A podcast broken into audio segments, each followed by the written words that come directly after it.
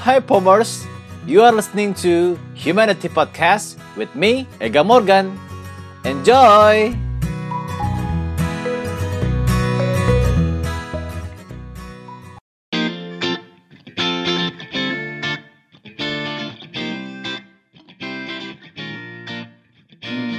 macam-macam. Di situ mulai mendalami, mulai ketemu dengan orang-orang yang profesional ya seperti personal trainer. Hmm. Eh badan Mbak lembek loh. Ini berarti tidak sehat kadar dihitung kan timbangannya ada bisa melihat betul, betul. persentase fat. Hmm. Ketagihan gula itu gimana caranya? Saya mau sharing dulu cara meng- menguranginya atau menghindari supaya lepas dari ketagihan gula ini, yaitu dengan membersihkan tubuh kita dengan minum air putih sebanyak-banyaknya. Ya, kembali lagi bersama saya Ega Morgan di Poms Podcast di dalam edisi Suling Bambu Indonesia, edisi tentang olahraga di mana tema kali ini adalah olahraga kala pandemi. Yuk kita beraksi. Nah, di dalam pembicaraan saya pada hari ini saya mengundang seorang teman baik saya. Ini salah satu teman saya waktu kuliah ya, teman-teman ya. Jadi eh, dia ini sekarang berprofesi sebagai ibu rumah tangga ya Nah, seperti pada umumnya. Namanya Erna, dia ini kelahiran Sibolga 30 Januari 1989 dan dia ketemu saya ini kira-kira waktu saya kuliah gitu di BINUS. Ya, waktu itu kita ngambil sama-sama ngambil jurusan komputerisasi akuntansi dan setelah dia lulus kuliah ya kurang lebih 2010 ya, itu dia lanjutin kuliah bahasa gitu di Beijing di China. Dan setelah itu dia sempat pulang ke Indonesia untuk bekerja gitu ya di salah satu perusahaan swasta di eh, daerah Medan sana. Dan akhirnya dia memutuskan untuk eh, membantu orang tuanya di usahanya di bisnisnya orang tuanya. Dan akhirnya bertemu dengan suaminya menikah dan sekarang eh, sudah punya anak dua nih teman-teman. Nanti kita tanya-tanya lebih lanjut ya nah tanpa berlama-lama lagi kita undang teman kita Ernawati halo Erna Halo Ega, selamat siang. yang apa kabar nih Erna Halo, halo semua. ya Baik, salam sehat. Ya, salam sehat juga ya teman-teman semua ya. Semoga teman-teman juga dalam lindungan Tuhan, sehat selalu, terus tetap pro- produktif walaupun di kala Mhm. pandemi seperti ini. Nah, teman-teman sebelum Harus saya itu, iya. ya betul. Sebelum saya tanya-tanya lebih lanjut lagi sama Erna nih. Eh, Erna ini sekarang saya suka sebut suka iseng sih. Pertama-tama saya eh, suka panggil dia nih healthy influencer gitu. Dan memang kenapa saya panggil gitu karena ya eh, saya nyetuk aja sih gitu teman-teman karena saya lihat ini orang kalau setiap eh, saya buka Instagram tuh ngelihat dia itu selalu lagi olahraga gitu teman-teman lagi kadang-kadang lagi aerobik atau dia ngelakuin gerakan-gerakan yang mungkin lagi lagi viral lah di itu di TikTok maupun di Instagram gitu ngikutin pakai lagu pakai apa Iya, betul. Nah, itu kan menarik banget ya teman-teman ya. Soalnya kan pada saat corona seperti ini orang kan kayak cenderung ah udahlah kaum rebahan kita bilang ya, ah nonton Netflix gitu kan ya. Mungkin main game gitu ya, main uh, Mobile Legend gitu kan nyantai-nyantai, nggak produktif gitu. Tapi ini tuh ada ibu rumah tangga yang udah punya dua anak loh bayangin teman-teman ya. Terus ngurus suami juga ya kan. Tapi tetap bisa produktif gitu olahraga. Nah, itu kan kita pengen tahu dong pasti rahasianya apa gitu cara bagi waktunya gimana gitu kan antara ngurus anak terus ngurus suami terus ya ada me time juga pasti habis itu olahraga lagi nah itu menarik kan teman-teman ya nah makanya kita mau tanya nih ah Erna pertama kali Iya. waktu lu kepikiran gue pengen olahraga nih gitu itu mulai kapan ya Pertama, waktu dari SMP, SMA dulu sudah memang hobi olahraga. Tapi semenjak menikah, menikah tuh awal-awal sebelum punya anak masih rajin. Memang sih olahraganya kayak lihat YouTube, olahraga sendiri, di- tapi nggak di gym ya, nggak secara spesifik. Yang penting asal taunya asal gerak, asal gerak. Dulu kan yang penting orang bilang selalu, yang penting keringat, yang penting keluar keringat. Tapi setelah saya dalami mengenai olahraga itu, itu keringat itu tidak cukup untuk mendapatkan kesehatan yang maksimal. Hanya asal keringat, asal keringat itu tidak sampai di situ. Tidak sederhana itu olahraga itu menurut saya. Hmm. Jadi waktu itu saya memutuskan kan sebelumnya eh akhirnya kan hamil. Badan yang kur- yang langsing pasti dong tahu kan ibu-ibu melar, gemuk, lembek. itu namanya komposisi tubuhnya sudah tidak seimbang. Lemak lemak tubuh tinggi, otot mengecil, terus ya. airnya menumpuk karena sering makannya sembarangan, asin-asin, itu kan pas, tidak sehat. Hmm. Tapi kembali lagi ke orang bilang, ah ibu hamil ngapain diet diet? Mana boleh? Nggak sehat. Makan aja dua piring. Kan dua orang. Kan sering kan seperti itu. Ya, ya, itu benar, menyesatkan benar, banget loh. itu sesuatu bukan bagus bukannya sayang ke kita. Itu menjebak. Ya. tidak baik. Kalau memakan sudah berlebihan. Semenjak hmm. itu itu belum sadar, masih belum sadar, masih makan sampai anak. Waktu itu kan belum ada suster, belum ada yang membantu lah, ya. membantu saya dari orang tua ataupun asli jaga anak berdua terus sama bibinya. Itu nggak bisa ngapa-ngapain, nggak bisa ke mana-mana, nyusuin anak, hmm. makin gemuk, rasanya lama-lama udah nggak sehat gitu, tidak ya, aktif, ya, ya, ya, ya. kepala uh, kolesterol naik, kan bisa dirasain hmm. cepat capek maunya tidur siang seperti ya, itu ya, itu ya. kayaknya udah kok beda ya dari zaman dulu apakah kita mau memilih pasrah atau mau mengubah keadaan hmm. kalau orang dulu kan selalu bilang udah punya anak ngapain lagi bagus-bagusin badan namanya udah punya anak ya, kita ya. mau dengar namanya klaim orang-orang yang zaman-zaman dulu atau orang tua atau kita menentukan diri kita sendiri kalau kita mau menentukan diri kita sendiri, pasti kita harus melawan semua itu kebiasaan-kebiasaan buruk kita.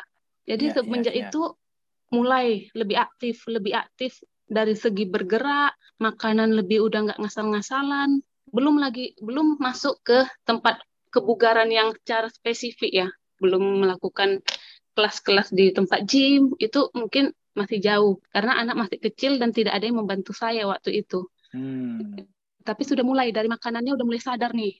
Ini udah nggak bisa begini terus. Ya, ya, ya. mulai deh pada akhirnya kita waktu itu pindah dari satu tempat ke tempat yang uh, milik sendiri gitu. Kemarin kan sewa tuh. Hmm. sekarang milik sendiri udah mulai dong. Bisa kepikiran tuh pengen ada nih yang bantuin aku mbak atau apa gitu. Kalau dulu nggak belum nyewa.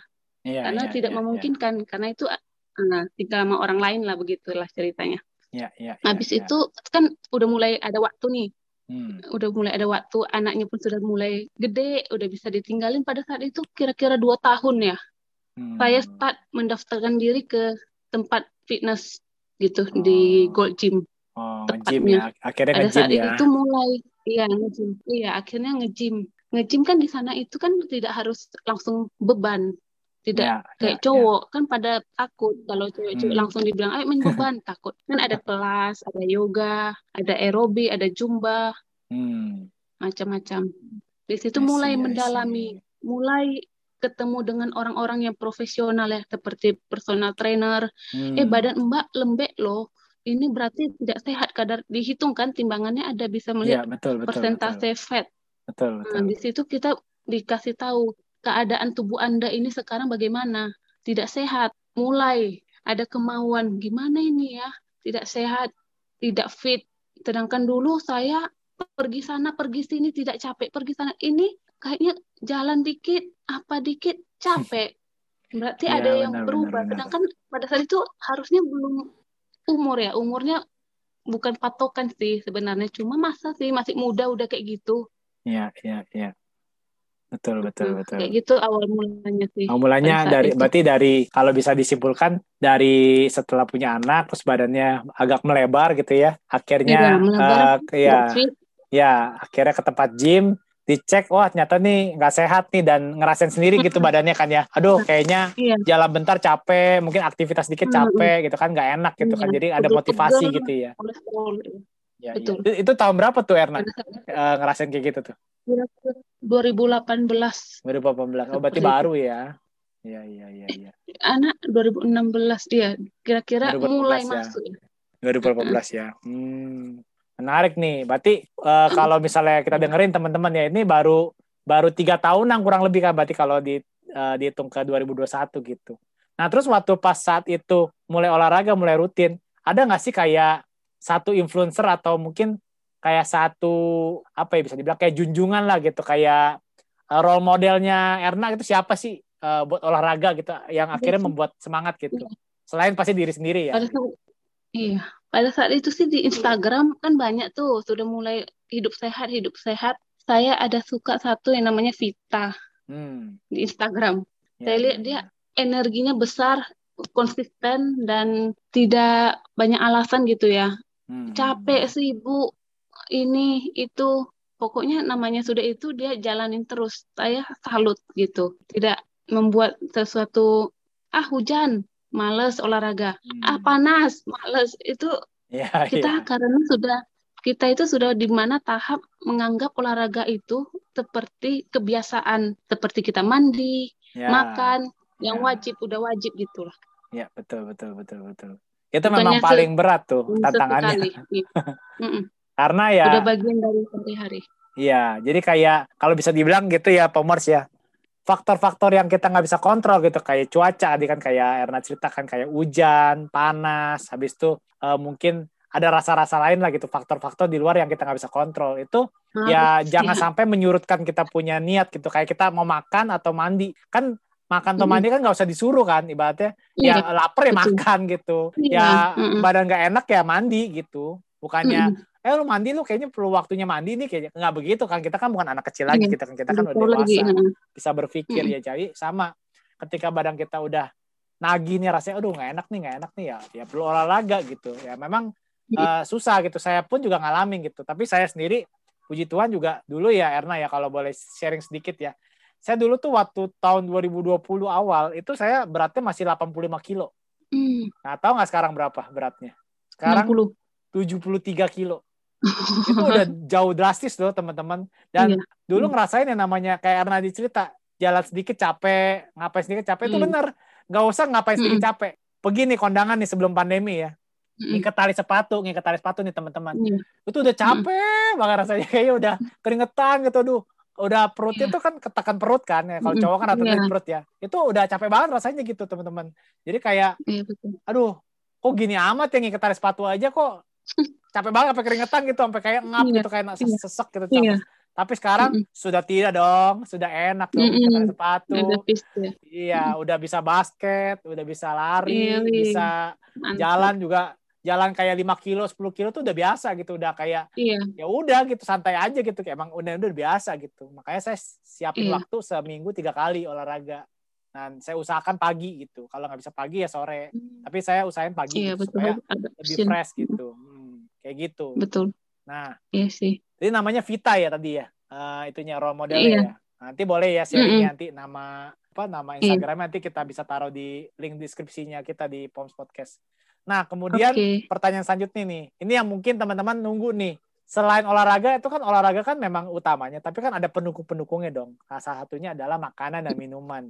Nah, boleh bar- boleh berbagi nggak nih makanan dan minuman yang Erna konsumsi itu apa sih sehingga Erna tuh bisa jaga pola makannya juga bisa teratur, mungkin minumannya juga mungkin ada tertentu yang nggak boleh diminum atau mungkin Iya. dikurangi lah, kita bilang dikurangi. Nah, coba boleh sharing sama kita kita di Iya, sini. pertama-tama saya mau sampaikan ke teman-teman semua bahwa Indonesia ini adalah satu salah satu orang-orangnya pengkonsumsi gula terbesar ya. Dikit-dikit suka yang manis, dia tuh kurang manis, tambah manis. Masa gula, gula merah, gula putih, dari gula jagung, su- Hmm, sirup, hmm. Nah, apalagi yang namanya waktu berbuka pu- berbuka puasa.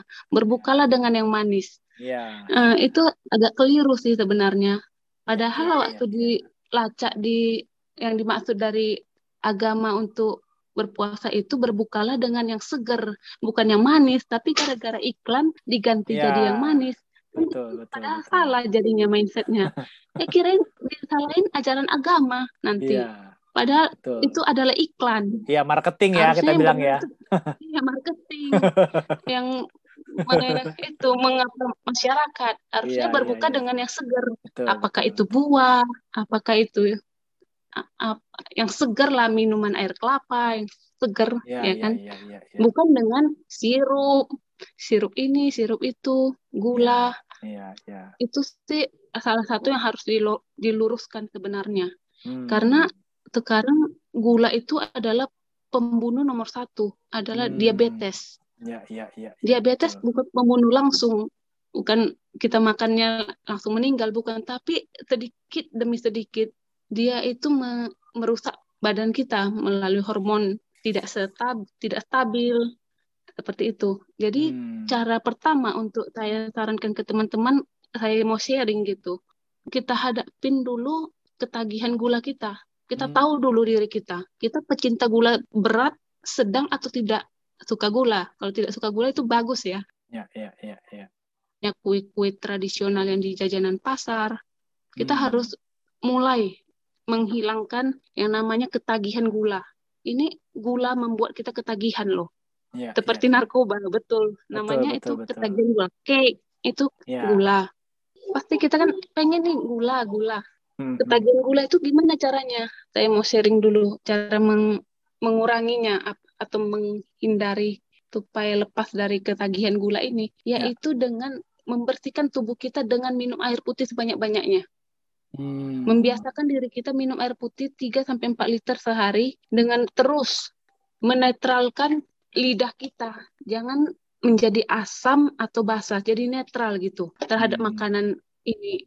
Enak, itu enak kalau gula kita kan maunya manis aja baru enak. Tapi Hmm. kalau kita yang udah netral, yang namanya makanan kentang rebus aja udah enak gitu. Iya, betul. Jagung betul, rebus betul. aja udah terasa manis. Iya, betul, betul. Kita harus Setuju. netralkan dulu lidah kita ini. Hmm. Itu sih tips pertama. Ya. Kalau orang yang mau namanya mulai hidup sehat. Karena kalau sudah namanya ketagihan, itu sudah tidak terkendali lagi. Mencari waktu nanti mencari makannya. Pagi mau makan apa ya? Kita disuruh nanti makannya, masa makan telur rebus doang? Yang namanya sudah biasa makan nasi bungkus, atau mie bakmi, atau makan Hmm. yang berat, lontong sayur, yang gurih-gurih gitu. Tiba-tiba disuruh yang hambar-hambar Hmm. telur rebus itu udah nggak cocok. Jadi kita harus netralisir dulu lidahnya. Iya, iya, iya, iya. Stabilin dulu dalamnya ini yang tidak stabil itu dengan minum air putih sebanyak-banyaknya. Hmm, hmm, hmm. Tips sih. Oke, oke, oke. itu dari gu- gula harus dihindari gorengan. Gorengan itu karena minyak waktu digoreng makanan itu menyerap minyak masuk ke dalam. Terus masuk kita makan minyak itu bersifat menaikkan kolesterol ya. Kita Hmm. tahu namanya lemak jahat. Iya, iya, iya, Jadi iya. itu pun tidak baik. Oke, oke, Habis oke. itu, hmm, itu sih tips yang penting. Dua hal itu yang sangat gula sih yang paling berbahaya karena dia ada di minuman, ada di minuman, ada di makanan, ada di buah-buahan sekalipun, ada di nasi putih. Dia Ya. ter- sangat banyak terdapat hidden sugar, tidak terlihat, bukan gula putih yang langsung terlihat Hmm. seperti Coca-Cola itu sangat tinggi gulanya. Tapi Iya, kita nggak iya, tahu kan, makanya kita sekarang harus disuruh ba- cara baca komposisi suatu minuman. Hmm. Tapi pabrik-pabrik sekarang tidak menulisnya dengan kata gula. Dia ganti lagi namanya glukosa, dia ganti dibingung-bingungkan lagi tuh masyarakat gitu. Iya, iya, iya, Glukosa, iya. Sirup ataupun glukos. Iya, Kita iya, kan eh iya. nggak tahu bukan gula, bukan gula yang aman. Nggak taunya itulah dia namanya nama kimianya yang kita tidak tahu. Jadi harus Iya. harus tahu gitu. Betul, betul. Setuju, Iya, setuju, gitu. setuju. Nah, teman-teman, tidak banyak gula tidak Hmm. enak gitu. hmm. Jadi gula sama sama apa? Sama minyak ya sebenarnya ya. Kalau kayak gitu Iya, ya. gorengan. Gorengan ya.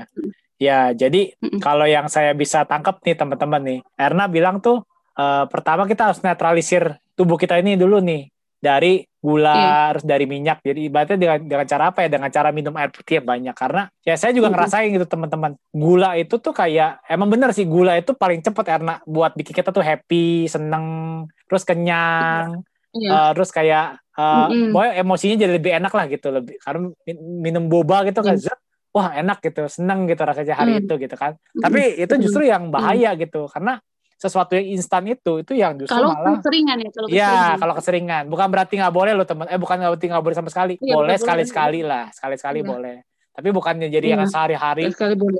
sampai se- sehari tiga kali Mm, itu udah hidup udah ya, bahaya ya Mm. benar sekali sekali Jangan, jangan minuman gaya gitu kan. Keren, nggak bawa air Ya. putih ah, iya boba minumnya baru keren gitu. apalagi Insta Instagramable ya jadi bisa di bisa dibikin Iya. story dibikin apa kan ya jadi Iya. eh, momen-momen keren kan lah gitu keren.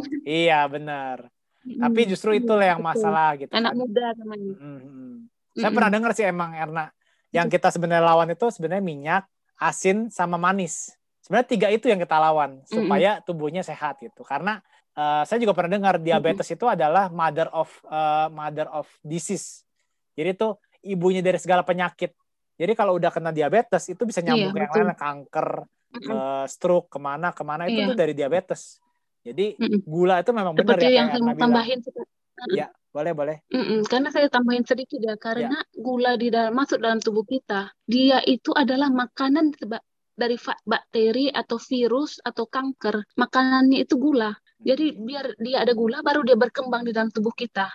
Hmm. Jadi kalau kita makan gula, dia makan, dia berkembang. Kalau kita makannya gulanya nggak gede, dia berkembangnya pun tidak secepat orang yang diabetes gitu. Ya, ya, ya, ya, ya. Makanya orang kenapa orang diabetes menjadi memperberat penyakit lain hmm. seperti yang sekarang ini pandemi. Siapa yang diabetes, penyakit COVID ini kan jadi makin berat. Betul, betul. Karena itulah gulanya itu adalah makanan untuk si COVID ini.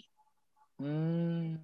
Gitu. Iya, iya, iya, iya benar, penyakit benar. COVID, bakteri ataupun kanker. Ya, jadi gitu. ada pemicunya gitu, ada triggernya gitu ya. Gula. Iya, ada triggernya. Mm -mm, triggernya. Berarti itu iya. teman-teman iya. tuh. Jadi saran uh, masukan ya sharing lah bisa dibilang lah bukan masukan lah lebih ke sharing ya sharingnya ya caranya gitu hindarin yang manis-manis baik di makanan maupun di minuman gitu teman-teman. Nah terus nih karena itu kan tadi makanan minuman ya kita ngomongin ya sekarang kita ngomongin program iya. latihannya nih. Nah, program latihannya Erna seminggu itu gimana sih biasanya? Uh, misalnya kayak bagi waktunya gitu buat uh, satu hari itu mau olahraga, misalnya jam berapa atau mungkin uh, gerakannya apa aja yang kira-kiranya bisa ngebantu kardio atau gimana? Nah, cuma mungkin uh, Erna bisa sharing gitu untuk hal ini. Iya, saya sih mau sharing ke teman-teman kalau sekarang olahraga yang bagus itu menurut saya pribadi adalah olahraga yang untuk menguatkan otot rangka. Olahraga yang otot rangka itu adalah di mana menguatkan otot, mengencangkan otot, ataupun membesarkan otot. It, caranya ialah dengan cara olahraga dengan menggunakan berat badan atau dengan alat. Hmm. Menggunakan berat badan itu seperti push up, sit up, pakai badan sendiri. Tapi dia berat badannya itu tertumpu di satu sisi sehingga diangkat badan kita sendiri atau dengan alat seperti barbel, dumbbell, alat-alat mesin di fitness center. Hmm. Itu sangat penting menguatkan otot itu. Karena ya, otot ya, itu ya. memperlancar metabolisme tubuh dan membakar lemak lebih cepat. Gitu. Namanya aja hmm. udah otot penyangga. Fungsinya kan menyangga tulang tuh. Menjadi ya, badan ya, kita ya. kan strukturnya menjadi lebih bagus, tulang kita menjadi lebih kuat, gerak hmm. menjadi lebih aktif, kayaknya otot itu penting sih menurut saya hmm. untuk sekarang ini. Jadi lebih latihnya ke otot gitu ya, Erna ya? Lebih ke otot, ya. Satu minggu lima kali. Minggu lima kali. Latihan ototnya, latihan bebannya tiga kali, hmm. dua kali kardio. Kardio ya kardio biar gimana mesti tetap ada ya teman-teman ya supaya ya, uh, saya pernah dengar tuh kardio itu buat jantung. Jadi buat uh, ketahanan kita dalam olahraga itu tuh di dipengaruhi dari kardio. Kalau kardionya -hmm. bagus berarti kan kita punya metabolisme tubuh kan bagus tuh. Jadi itu kita punya tenaga -hmm. lebih banyak ketimbang kalau Betul. kardionya nggak ada sama sekali gitu. -hmm untuk tips untuk teman-teman yang belum pernah mengangkat beban untuk mencari tenaganya itu kan awalnya belum ada tuh kuat untuk mengangkat kan ada repetisinya. Berapa hmm. kali berapa set. Kalau belum kuat itu biasanya dimulai dulu dengan kardio. Hmm. cari tenaga namanya. Kalau misalnya yeah, kardio yeah, itu yeah, menurut aku menaikkan tenaganya dulu sebelum masuk ke beban gitu. Cari tenaga tenaganya udah kuat lari kita masuk ke hit program ya, uh, ya, yang loncat-loncat ya, gitu olahraganya. Sudah betul, kuat, betul, betul. masuk ke itu udah enteng. Betul, betul, betul, betul. Nah, kardio itu macam-macam ya teman-teman ya. Kalau yang saya tahu nih kardio itu kayak hmm. contoh bisa treadmill kalau pakai alat ya. Atau kalau misalnya teman-teman eh, nggak uh, punya treadmill atau misalnya nggak nggak bisa ke gym nih kayak gini kan sekarang pandemi kan nggak bisa ke gym gitu ya. Nah teman-teman bisa lakuin apa? Kalau saya nih uh, cara mengatasinya itu saya pakai skipping teman-teman tahu ya dulu hmm. waktu masih kecil kan atau hmm. masih sekolah uh, olahraga waktu masih sekolah kan ada tuh skipping tuh yang tali panjang ada pegangan dua hmm. sisi Nah loncat-loncat gitu aja Iya, itu betul. itu juga kardio teman-teman. Iya, betul. Ya kan benar ya Erna ya. Nah itu bisa ningkatin Keliling tuh. komplek, eh, iya. Ya keliling komplek aja dekat-dekat rumah yang tapi tetap ya prokes ya pakai pakai masker. Habis itu jaga jarak Iya. sama sama orang. Iya, tapi kalau bahaya yang namanya jalanan bahaya Hmm, di rumah aja di Ya. nonton YouTube pakai YouTube Hmm. gitu. Betul betul. Banyak cari itu searching nanti eh, gimana cara ningkatinnya iya. itu. Nah cuman kalau dari saya eh, saya punya pengalaman pribadi ya pakai skipping. Nah kalau mungkin kalau Erna nanti apa bisa kasih tahu ya nanti ke kita ya latihan-latihan kardionya dia pakai apa aja nanti kita bisa sharing di uh, deskripsi podcast ini gitu. Nah itu tadi udah Iya. kita uh, bicara tentang olahraga ya teman-teman ya tentang olahraga terus tentang uh, gimana cara awalnya nih untuk hidup sehat itu kan kayak ngurangin gula, habis itu ngurangin minyak-minyak ya. Nah, yang yang yang asin-asin lah ibaratnya. Terus kan terakhir kita di ngomongin tentang uh, latihannya gimana, terus uh, kardio itu apa dan lain-lain. Nah, sekarang saya masuk ke topik selanjutnya yaitu tentang humanity karena podcast ini kan punya tema besar gitu yaitu humanity atau kemanusiaan. Nah, saya percaya gitu teman-teman ya. Eh, Erna juga pasti saya yakin punya keyakinan yang sama seperti saya. Karena setiap dari kita itu pasti memiliki yang namanya sisi kemanusiaan karena kan kita manusia. Ya kan? Jadi kita pasti punya sisi manusia.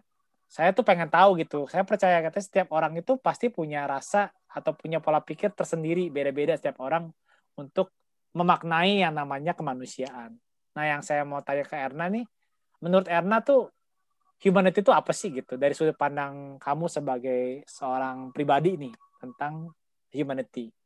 Hmm, humanity itu menurut saya ya eh, seperti berempati ya kepada seseorang. Misalnya bukan hanya misalnya orang terkena bencana, kita bukan hanya mengasihani, tapi kita berempati. Seperti kita merasakan posisi seperti dia, kita menggunakan sepatu dia, di keadaan seperti dia, seperti apa baru kita mengerti gitu. Bagaimana sebelum kita menjudge, ah itu kan udah nasibnya seperti itu. Ah itu kan karena perbuatannya seperti itu. Tapi lebih kayak mencoba memposisikan diri kita seperti diri dia gitu. Humanity itu tidak menjudge orang, Hmm. lebih ke lebih ke gimana ya berwelas asih. Jadi bisa merasakan apa yang dia rasakan Pada lah gitu hidup. ya. Bisa dibilang kayak gitu ya. Mm-mm. Jadi Iya. memposisikan memposisikan diri kita sebagai manusia di kondisi yang dia sedang alami itu ya. Kalau kalau Erna menurut Erna begitu ya. Iya. Hmm. Mm-mm. I see, I see, I see. Ya, Itu sih yang membedakan kita daripada makhluk-makhluk ya. lain. Betul, betul, Mm-mm. setuju. Karena saya percaya tadi kan seperti yang tadi pemikiran dasar saya gitu. Setiap manusia itu pasti punya rasa kemanusiaan, tapi caranya atau mediumnya atau medianya itu beda-beda aja gitu ya. Mungkin kalau dari Erna, sisi Erna, tadi kan dia lebih bahas tentang ya kita memposisikan diri kita ini di posisinya orang itu yang kita rasain. Kayak contoh dia orang korban bencana alam gitu ya. Oh dia tuh Mm-mm. kenapa ya? Kenapa dia ngerasanya begini? Terus Iya. eh, dia tuh menanggapi kan- gimana kayak gitu-gitu. Mm-mm. Setelah itu kita timbul kewelas asihan kita Hmm. untuk menolong dia. Karena Iya, kita kan iya. lebih beruntung nih. Iya, Kita iya, iya, tidak iya. terkena bencana. Akhirnya kita dengan timbulnya rasa welas asih, kita membantu sesama makhluk hidup gitu. Ataupun iya, sharing semampu kita. Setuju sih yang tadi Erna bilang itu. Nah, karena humanity itu kan sebenarnya luas ya teman-teman ya. Karena setiap orang itu punya rasa yang berbeda-beda terhadap sesuatu gitu. Nah, kalau boleh saya tanya lebih lanjut nih, menurut Erna itu dari apa yang Erna lakukan nih, sekarang kan Erna kan role-nya kan sebagai ibu rumah tangga, sebagai istri, sebagai menantu juga, sebagai anak juga ya kan, dan sebagai orang tua nih dari seorang anak gitu kan ya. Dan juga sekarang sebagai ya bisa dikatakan influencer eh, kesehatan lah gitu, Me- membantu atau menginfluence orang di sekitar itu untuk eh, olahraga untuk hidup sehat. Nah, menurut Erna sendiri, apa yang Erna bisa rasain itu ke humanity-nya itu tuh bagaimana gitu Erna eh, rasa gitu di dalam perasaan Erna gitu. Menanggapinya seperti Mm. apa gitu. Yang pertama, mengajak hidup sehat itu positif. Dan mengajak teman untuk mendapatkan bonus itu pada zaman sekarang maunya yang badannya bagus, badannya langsing, itu adalah sesuatu yang sangat bermanfaat ya pada saat untuk ibu-ibu seperti saya. Saya eh, lebih ke fokus untuk membantu ibu-ibu yang sudah berumah tangga yang pesimis terhadap kondisi tubuhnya atau kelebihan berat badan atau yang tidak fit, kolesterol tinggi, seperti itu. Jadi saya berbagi agar tips untuk teman-teman karena saya udah merasakan sendiri bagaimana cara-cara diet itu kan ada yang berhasil, ada yang tidak. Betul, Jadi betul. saya sudah melewati itu. Jadi saya kasih tahu tips-tipsnya berbagi untuk mencintai diri kita dulu, baru mencintai keluarga kita dan orang lain. Betul. Karena kalau ya. kita tidak mencintai diri kita dulu, kita marah-marah, anak kita kan dampaknya kita hmm. marah, kita cubit, suami kita kita omelin. Kalau kita nggak urusin badan kita dulu, e emosi kita stabil dulu, hormon-hormon kita balance dulu nih, habis keluarga kita. Efeknya apa? Efek terburuknya broken home. Itu kan salah satu contoh kalau orang yang emosinya tidak stabil, yeah, yeah. tidak sehat yang saya ngomongin di sini adalah kesehatan fisik dan mental. Itu hmm. sudah sejalan. Ya, ya, ya, Olahraga ya. itu bukan hanya untuk fisik-fisik melulu, itu mental sangat dilatih di sana. Aku dulu orangnya tidak percaya diri, tapi setelah nge-gym saya percaya diri bisa berani ngomong di depan Ega. Dulu kan hmm. tahu aku pendiam yeah. dan Ega. iya, iya, iya. Itu salah satu contoh positifnya yang saya mau ajak ke ibu-ibu rumah tangga ini. Hmm, Jadi yang betul, betul, betul. negatif, yang, yang tidak fit, mentalnya marah-marah terus lihat kerjaan rumah tangga anaknya bandel berisi nangis jerit-jerit hmm, hmm. kita harus pokoknya dimulai dari diri kita sendiri bukan egois ya bukan ngurus sendiri sendiri mamanya ini hanya egois ya, ya. hanya olahraga olahraga aja bukan itu untuk kebaikan bersama untuk kebaikan kebaikan si anak, kebaikan untuk suami pun lebih tenang kalau di rumah kita nggak ngoceh-ngoceh karena marah, capek, pegel, suami enak-enak aja pergi-pergi gitu ya, sih ya, lebih ya. ke uh, untuk mengajak teman-teman untuk lebih menyehatkan mental dan fisiknya. Hmm. Jadi kalau suatu saat kita untuk sudah disiapkan ada rezeki untuk kerja atau ditawarkan untuk untuk berteman gitu, kita udah tubuh dan mental kita udah siap gitu udah fit. Misalnya kita nih udah anak kita udah gede kita udah bisa nih untuk jualan. Jualan apa? Nasi kotak ke atau mau bisnis makanan catering. Fisik kita itu udah siap. Dan kita udah bisa mendapatkan satu kesempatan-kesempatan untuk menghasilkan lagi lebih banyak gitu. Hmm. Iya, iya, Daripada iya. kita duduk-duduk doang, tiba-tiba ada kesempatan, eh bisa nggak masakin ini untuk jual? Eh tenaga kita udah capek hmm. atau fisik kita udah nggak sehat gitu. Kayaknya sayang ya. Iya, betul, Di mana betul, kita betul. muda kita banyak kelewatin kesempatan-kesempatan yang baik atau menghasilkan gitu. Iya, iya, iya. Setuju sih Erna. Fisik dan mental. Jadi ya, menurut saya harus... ya, jadi menurut saya kesimpulannya ya uh, Erna itu merasa kemanusiaan itu wujudnya itu nggak harus sesuatu yang uang atau sesuatu yang besar gitu tapi ya dari paling kecil gitu. Dari diri kita sendiri kita menyayangi diri kita sendiri itu udah humanity udah kemanusiaan iya. itu sendiri. Karena ya Tuhan tuh menciptakan kita itu masing-masing ya pasti dia tuh pengen umatnya ini atau pengen tuh makhluk ciptaan ini itu ya mencintai diri dia sendiri gitu, mencintai apa yang dimiliki, apa yang Tuhan kasih ke kita gitu. Dan ya, ya salah satu cara mencintainya adalah kita menjaga tubuh kita sendiri dengan berolahraga, dengan menjaga ya. fisik dan mental kita lah gitu supaya Betul, tetap sehat. Iya. Ya, kayak mm -mm. gitu.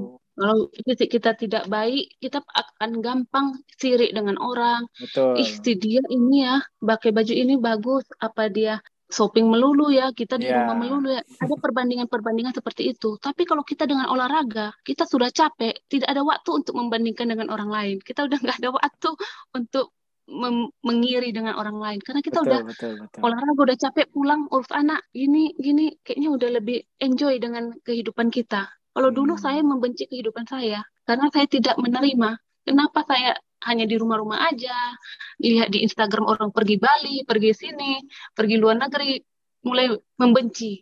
Tapi dengan olahraga, saya melihat badan saya bagus, pakai baju bagus, biar meskipun tidak seperti sekarang tidak pergi ke mana-mana, di rumah saja.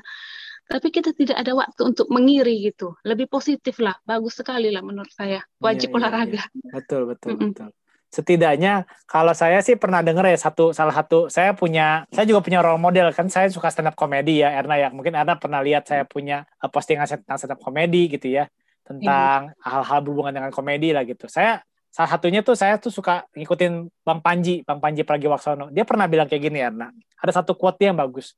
Dia pernah ngomong gini mulailah untuk tidak membandingkan diri sendiri dengan orang lain seperti yang Erna bilang. Tapi kalau kita mm.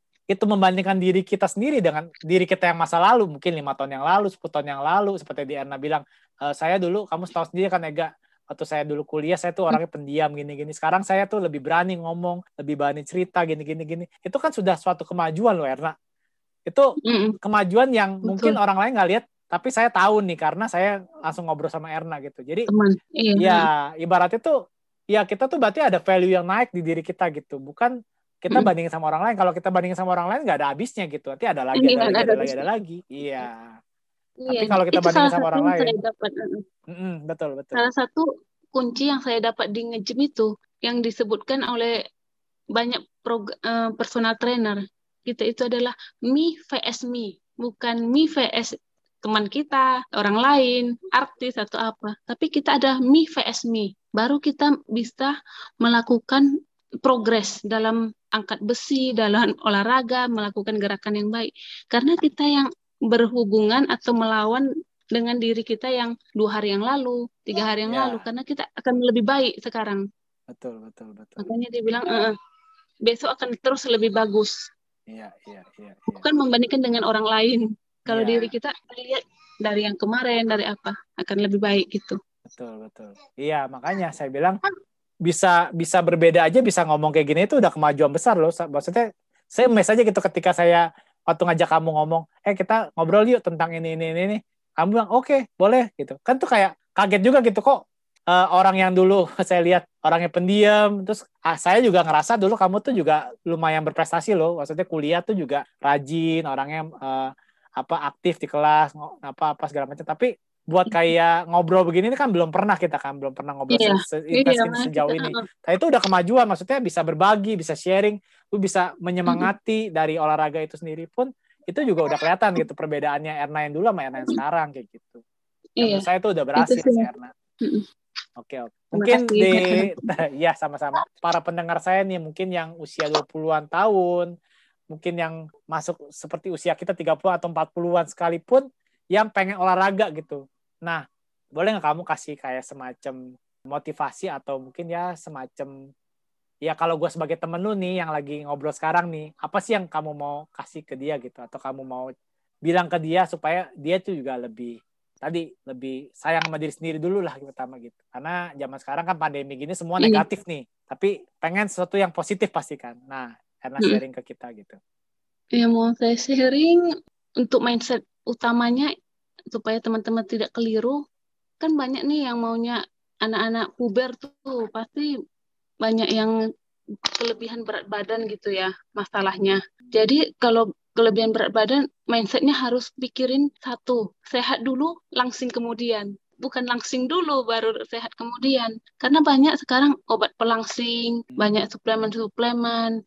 Yang suruh tidak makan, yang suruh menyiksa diri, sampai sudah makan dikeluarin lagi anoreksia gitu. Jangan ter itu ya ter terjerumus ke arah sana karena itu bukannya sehat lagi, memang langsing tapi tidak sehat. Itu akan menyesal. Tapi kalau sehat dulu baru langsing, kita akan bertahan sampai terus kehidupan kita, pola hidup kita seperti itu sampai tua nanti gitu.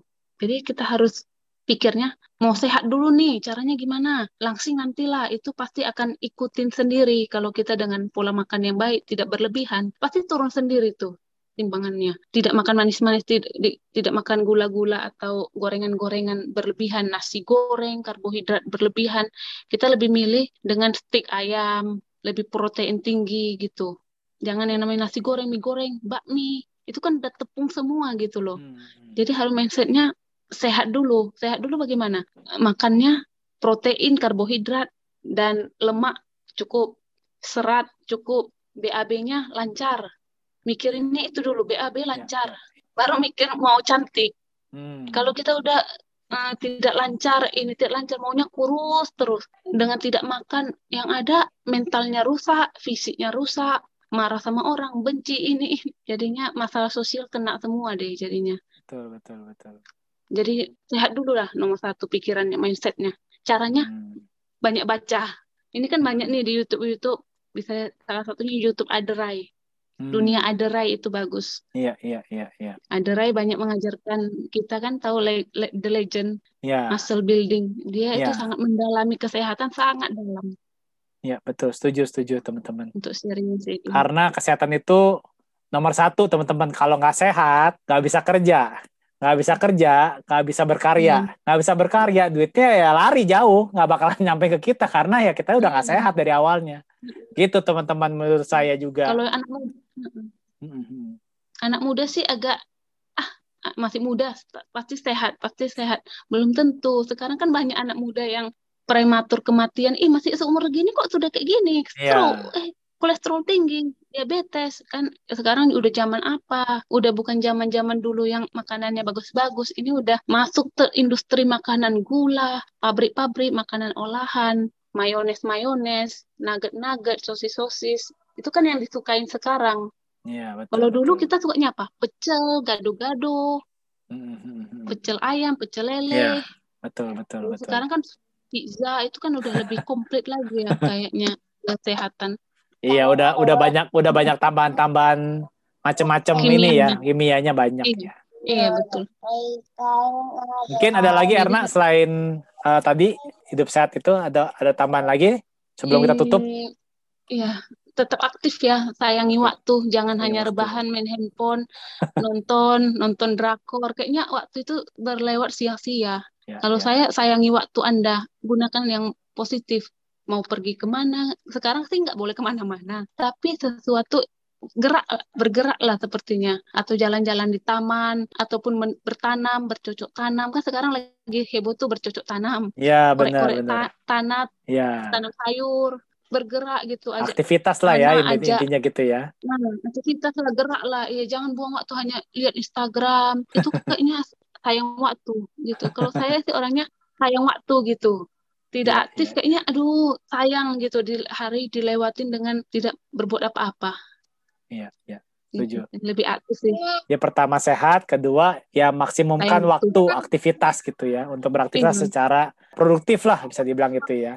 Mm-mm. Okay, produktif okay. belum tentu menghasilkan uang ya, bukan iya. menghasilkan yeah. uang yang iya. dimaksud yeah. ini ya. Betul betul. Mm-mm. Nggak harus selalu hasilnya uang, tapi setidaknya yeah. kita aktivitas tuh bisa bikin kita tuh jadi habit gitu. Jadi yang nggak yeah. cuma rebahan doang gitu, ada ngelakuin sesuatu positif, gitu. Iya, yeah. nanti lama-lama bisa ke arah positif.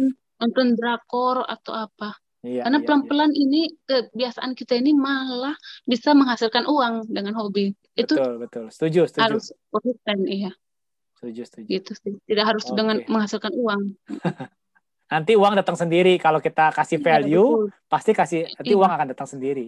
Mm -mm. Gitu. Memang itu hanya waktu yang menentukan sih iya. kalau itu. Yang penting kita kasih dulu. The more you give, the more you get lah intinya itu. Iya betul. Iya iya iya. iya. Mau memberi, mau menerima harus memberi dulu. Iya. Jadi bisa dua sisi. Jadi kita tahu gitu dari sisi memberi dan sisi menerima. Gitu. Ketika kita udah bisa iya. memberi, ya kita tahu cara menerima yang baik gimana gitu. dari perbuatan kita kan ada buahnya tuh. Iya iya, iya. kita petik itu sih. Begitu Ega. Okay, terima okay, kasih. okay. terima kasih Erna sharing waktunya sharingnya ya. sangat wah luar biasa deh. Maksudnya udah lama nggak ketemu sekalinya ketemu ngobrol. Wah gitu. Daging semua gitu value-nya banyak gitu yang bisa saya dapat iya, gitu. Saya sendiri pun juga dapat banget gitu. Apalagi so soal olahraga gitu ya. Itu menarik banget tuh yang hmm. tadi saya catat juga ada beberapa hal. Kayak tadi uh, tentang cara netralisir tubuh kita dengan minum air putih yang banyak itu buat netralisir mm. itu juga satu yeah. insight baru gitu. Saya belum pernah dengar tuh. Bener-bener belum pernah dengar, mm baru dengar dari Erna doang gitu. Karena Erna kan mm ngelakuin olahraga ya, jadi kan pasti kan mm cari tahu lebih lanjut dengan baca buku, dengan dengar YouTube dan lain-lain gitu. And last but not least, I would like to thank you for the music that accompany me from early, in the middle, and the last of this podcast from www.bensound.com. Iya, gitu. Oke, oke, oke. Oke, terima ya, kasih. Thank you ya teman-teman yang udah dengar uh, podcast ini di Suling Bambu Indonesia edisi olahraga kala pandemi. Yuk kita beraksi. Sampai di sini dulu aja teman-teman dan sampai jumpa di episode-episode berikutnya di Poms Podcast. Tetap semangat, tetap sehat dan tetap produktif. Dan ingat satu lagi, Ayo vaksinasi supaya Indonesia kembali normal dan ekonomi berjalan dengan baik. Segitu dulu aja teman-teman. Terima kasih. Dan bye-bye teman-teman. Bye-bye. Bye. Awe Ega. Ya.